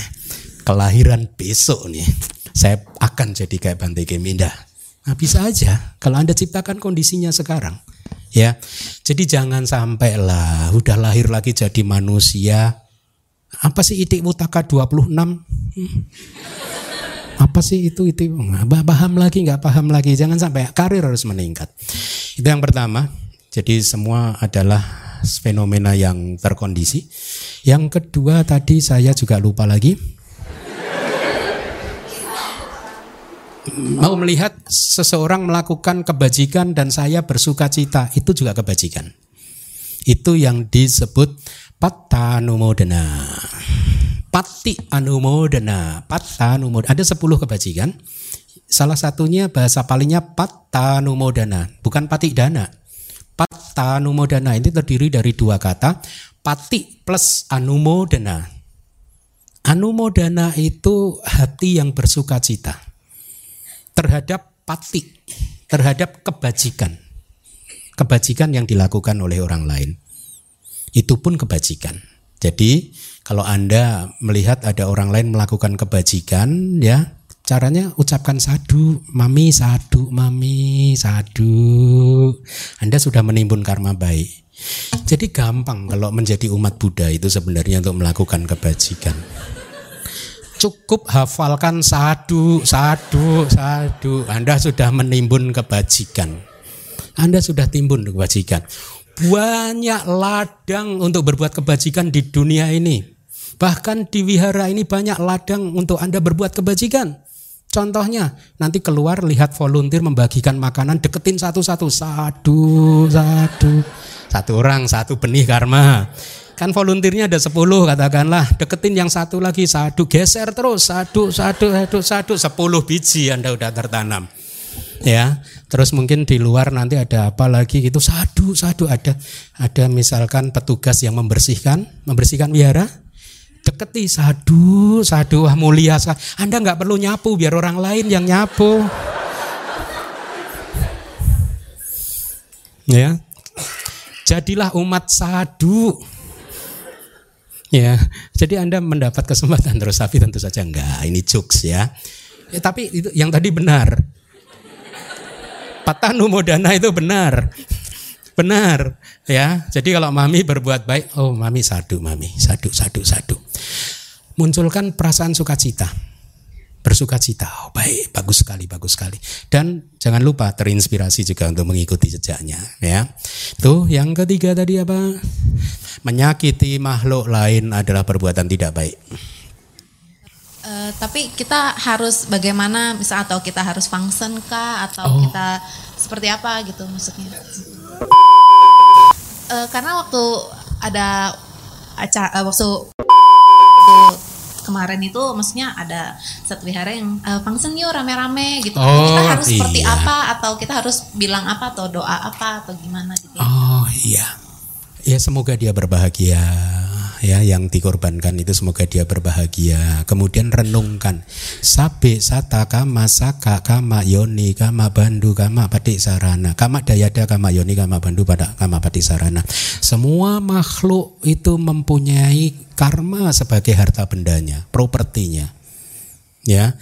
Semua makhluk itu mempunyai kama sebagai saudaranya, sanak saudaranya, dan seterusnya. Artinya Anda merenungkan demikianlah karma itu berbuah. Ya, ada saja variasi dari buah dari karma. Ada makhluk yang harus mati dengan cara demikian. Ada makhluk yang harus mendapatkan kehidupan yang lebih baik, misalkan menjadi binatang peliharaan orang yang baik hati. Ada yang tidak ya renungkan itulah cara bekerjanya hukum karma.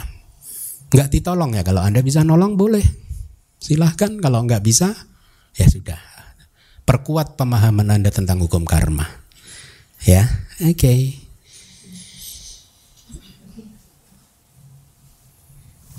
siang Bante ya. apa kabar mau bertanya begini Bante tadi kan di ulas bahwa kita memberi persembahan harus fokus kepada sangga, sangga ya. Hmm. Peng, pengertian sangga di sini apakah hanya sangga empat makhluk suci di jama, uh, yang dimaksud ataukah sangga secara keseluruhan selaku persamuan para biku dan bikuni. Yang hmm. pertama itu Bante. Hmm. Kemudian yang kedua, tadi kan Bante di terakhir ada diuraikan. Kalau karma baik ingin berbuah dalam kehidupan saat ini harus terpenuhi empat syarat ya. Nah, apakah saya bisa simpulkan bahwa apa yang kita alami di kehidupan saat ini sudah pasti hanya karma masa lalu, perbuatan lalu. Jadi yang karma saat ini jika tidak memenuhi itu berarti tidak berbuah begitu. Saat ini ya. Itu terima kasih Bete. Ya, yang pertama adalah uh, tidak hanya tadi di suta ini tidak hanya merujuk kepada Arya Sangga, makanya tadi ada Sangga leher kuning. Tapi meskipun walaupun itu sangga leher kuning, kalau tujuan kita tetap kepada sangga, maka tetap berbuah besar karena sangga itu selalu murni. Tidak ada sangga yang ternoda, dimurnikan oleh maga jalan. Ya, jadi kepada sangga siapa saja di tiga masa di timur, barat, utara, selatan dan seterusnya. Sangga di mana pun itu tadi berlaku. Yang kedua adalah apa kalau tadi dikatakan uh, empat syarat itu adalah karma yang pasti berbuah pasti, jadi pasti. Artinya dengan kata lain sesungguhnya bukan satu-satunya jenis karma yang berbuah di kehidupan saat ini. Kalau ini pasti, kalau yang lain tidak pasti bisa berbuah di kehidupan saat ini tapi tidak pasti. Dia membutuhkan banyak hal lagi. Ya. Contoh, contoh. Kalau seseorang berpikir melakukan perbuatan meletakkan tangannya di api ya udah pasti berbuah. Betul tidak? Berbuahnya apa? Kesakitan kan?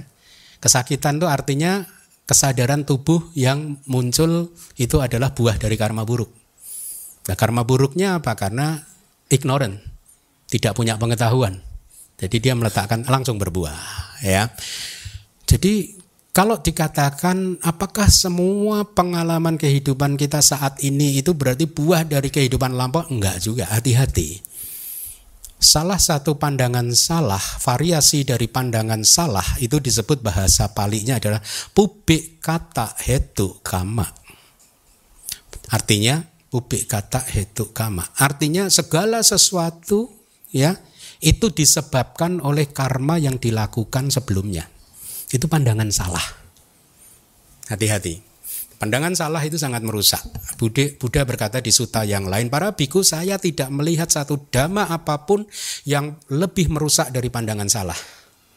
Ya, jadi publik kata hetu kama ya bahwa segala sesuatu yang dialami itu disebabkan oleh karma yang dilakukan di masa lalu itu adalah pandangan salah. Ya. Jadi pandangan benarnya bagaimana? Kombinasi antara masa lalu dan masa sekarang. Ya apa yang kita alami saat ini masing-masing dari Anda itu adalah kombinasi dari apa yang Anda lakukan dengan keputusan Anda saat ini. Faktor saat ini selalu itu menjadi penting. Saya ambil contoh yang mudah. Kenapa Anda duduk di situ? Karena itu kombinasi dari katakanlah karma Anda masa lalu dan karma Anda saat itu sebelum duduk tadi. Kan Anda punya pilihan lain duduk di sana, di sana, di sana, di sana, di sana. Dan ini berlaku untuk yang lain juga ya. Anda punya pilihan mau duduk di mana. Kenapa Anda duduk di situ? Apakah itu buah dari karma masa lalu? No, kombinasi. Karma masa lalu yes, sedang menuju mau berbuah, Anda kondisikan supaya berbuah itu adalah present, keputusan pada saat itu. Anda duduk di situ, keputusan Anda saat itu. Yang itu terbebas dari masa lalu. Benar-benar keputusan saat itu. Ya, tapi keputusan saat itu tidak akan ada kalau tidak ada karma masa lalu. Kalau Anda tidak masuk ke sini, nggak akan ada keputusan duduk di situ. Anda masuk sini itu adalah buah karma masa lalu, Anda duduk di situ adalah keputusan Anda saat ini. Jadi selalu di dalam hidup itu bekerja dari masa lalu dan kita kondisikan di saat sekarang ini. Ya, contoh lain. Uh, apakah saya jadi biku ini karena buah karma masa lalu? No, sama. Dari masa lalu ada, tapi keputusan saya pada saat itu juga ada. Sebenarnya kan saya punya pilihan lain. Ah nggak usah jadi biku, wah capek ngurusin 500 orang terus udah nggak mau gaji saya lagi. Nah gitu. Nggak saya saya nggak mau juga anda gaji. Jadi kombinasi dari masa lalu dan masa sekarang. Poin yang kembali lagi saya tekankan hati-hati.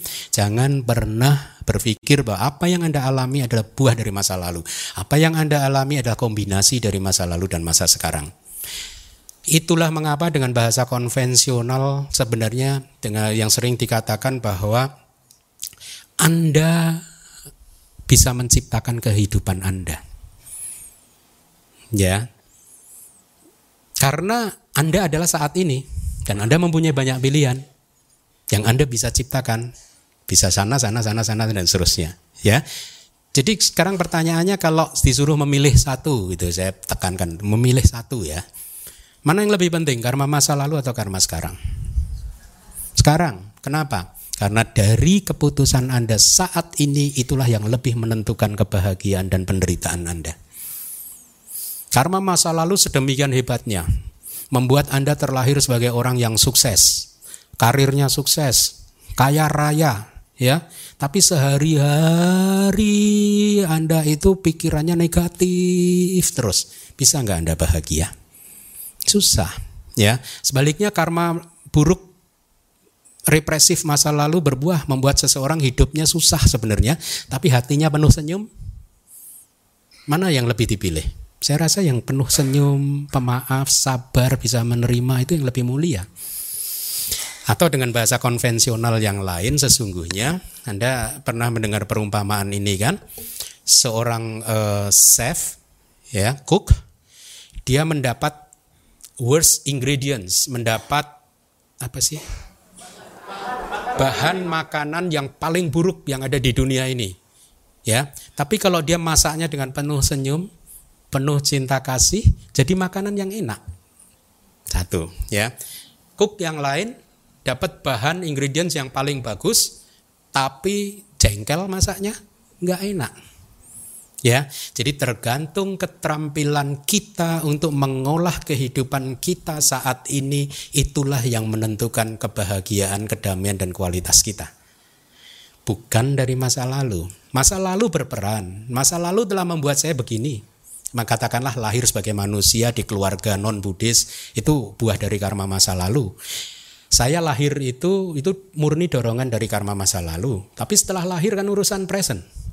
Urusan saya saat ini, saya mau olah seperti apa ini? Ya enggak? Ya. Dari bahan masa lalu saya olah. Sama.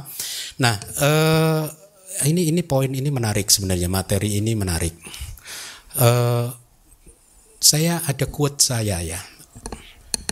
Ada quote quote quote quote of the week yang sekarang saya nggak bikin lagi karena sibuk tapi ini ada hubungannya dengan pertanyaan jawaban pertanyaan ini. Kemarin saya makan durian. Besok rencananya saya akan makan mangga. Saat ini saya sedang makan pisang. Kalau saat ini saya sedang makan pisang, pikiran saya merindukan durian atau mangga, saya menderita. Betul? Ya. Dengan kata lain sebenarnya kunci kedamaian dan kunci kebahagiaan itu adalah lebih pada seberapa hebat keterampilan Anda untuk makan pisang tadi. Adanya pisang, ya udah dinikmati pisangnya. Ya. Orang yang menderita, orang yang stres depresi, itu adalah orang yang sedang makan pisang pengennya durian atau mangga. Hmm? Betul nggak? Mau adanya pisang, udah nikmati pisang. Makanya praktekkan winaya seperti biku. Tanpa saya semakin mengapresiasi Buddha kenapa? Karena winaya yang saya praktekkan ternyata adalah membentuk saya. Salah satu yang paling sederhana. Saya ini tidak tahu loh nanti ini makan siang makan apa itu saya nggak tahu. Hmm? Tergantung Anda. Artinya apa pun yang Anda danakan saya makan. Saya udah nggak punya pilihan. Ya, wah kok adanya ini pengennya ramen kok. Umat nih kok nggak ada yang paham ya gitu. Kan nah, gitu. Misalkan begitu, misalkan ini contoh-contoh. Bukannya saya nggak pengen beneran ini enggak. Contoh aja. Nanti Anda langsung, wah ini Bante kasih kode nih gitu. Enggak, enggak, enggak, enggak, enggak, enggak. Contoh, contoh. For the sake of jokes, Kebahagiaan Anda kita semua sangat ditentukan semata-mata oleh keterampilan kita untuk menikmati apa yang kita punya saat ini. Dengan kata lain, masing-masing dari Anda sudah mempunyai modal untuk bahagia. Justru pada saat Anda pengen jadi orang lain, Anda nggak bahagia. Kalau Anda ingin bahagia, jadilah diri Anda sendiri. Nikmati apa yang Anda punya Nggak usah mimpi durian dan mangga. Adanya pepaya, makan pepayanya bahagia. Capek kun. damai. Setuju? Ya. Oke. Ada lagi kayaknya yang kedua. Ada lagi, cukup ya? Oke, oke.